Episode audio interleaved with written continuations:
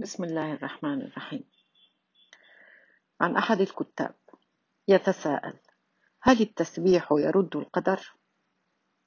التسبيح يرد القدر كما في قصة يونس عليه السلام إذ قال الله تعالى فلولا أنه كان من المسبحين للبث في بطنه إلى يوم يبعثون وكان يقول في تسبيحه لا إله إلا أنت سبحانك إني كنت من الظالمين. والتسبيح هو الذكر الذي كانت تردده الجبال والطير مع داود عليه السلام. قال تعالى وسخرنا, وسخرنا مع داود الجبال يسبحن والطير. التسبيح هو ذكر جميع المخلوقات. قال تعالى ألم تر أن الله يسبح له من في السماوات والأرض؟ ولما خرج زكريا عليه السلام من محرابه أمر قومه بالتسبيح.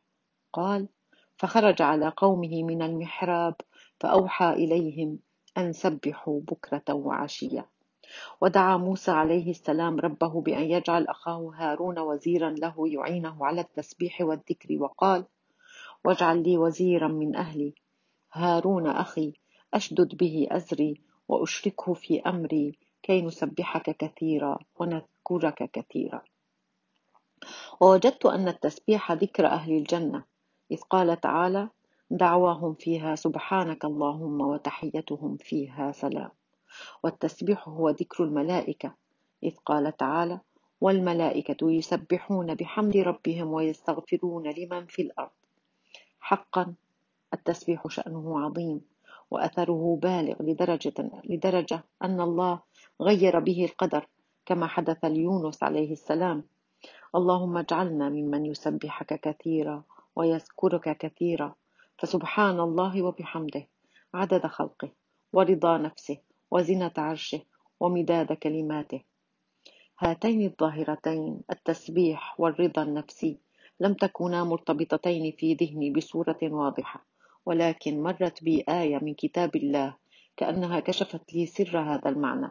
وكيف يكون التسبيح في سائر اليوم سببا من أسباب الرضا النفسي.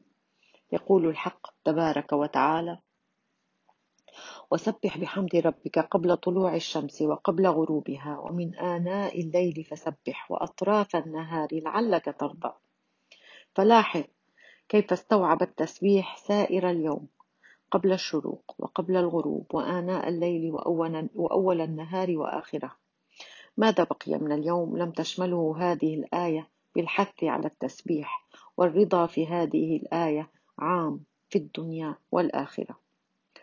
وقال في خاتمة سورة الحجر ولقد نعلم أنه يضيق صدرك بما يقولون فسبح بحمد ربك وكن من الساجدين. فانظر كيف أرشدت هذه الآية العظيمة إلى الدواء الذي يستشفى به من ضيق الصدر والترياق الذي تستطب به النفوس. ومن أعجب المعلومات التي زودنا بها القرآن أننا نعيش في عالم يعج بالتسبيح ويسبح الرعد بحمده. وسخرنا مع داود الجبال يسبحن والطير. تسبح له السماوات والأرض ومن فيهن؟ وإن من شيء إلا يسبح بحمده ولكن لا تفقهون تسبيحهم. سبحانك يا رب ندرك الآن كم فاتنا. كثير من لحظات العمر عبثا دون استثمارها بالتسبيح. اللهم اجعلني ومن يسمعني وأحبتي من المسبحين الله كثيرا. آمين. يا رب العالمين.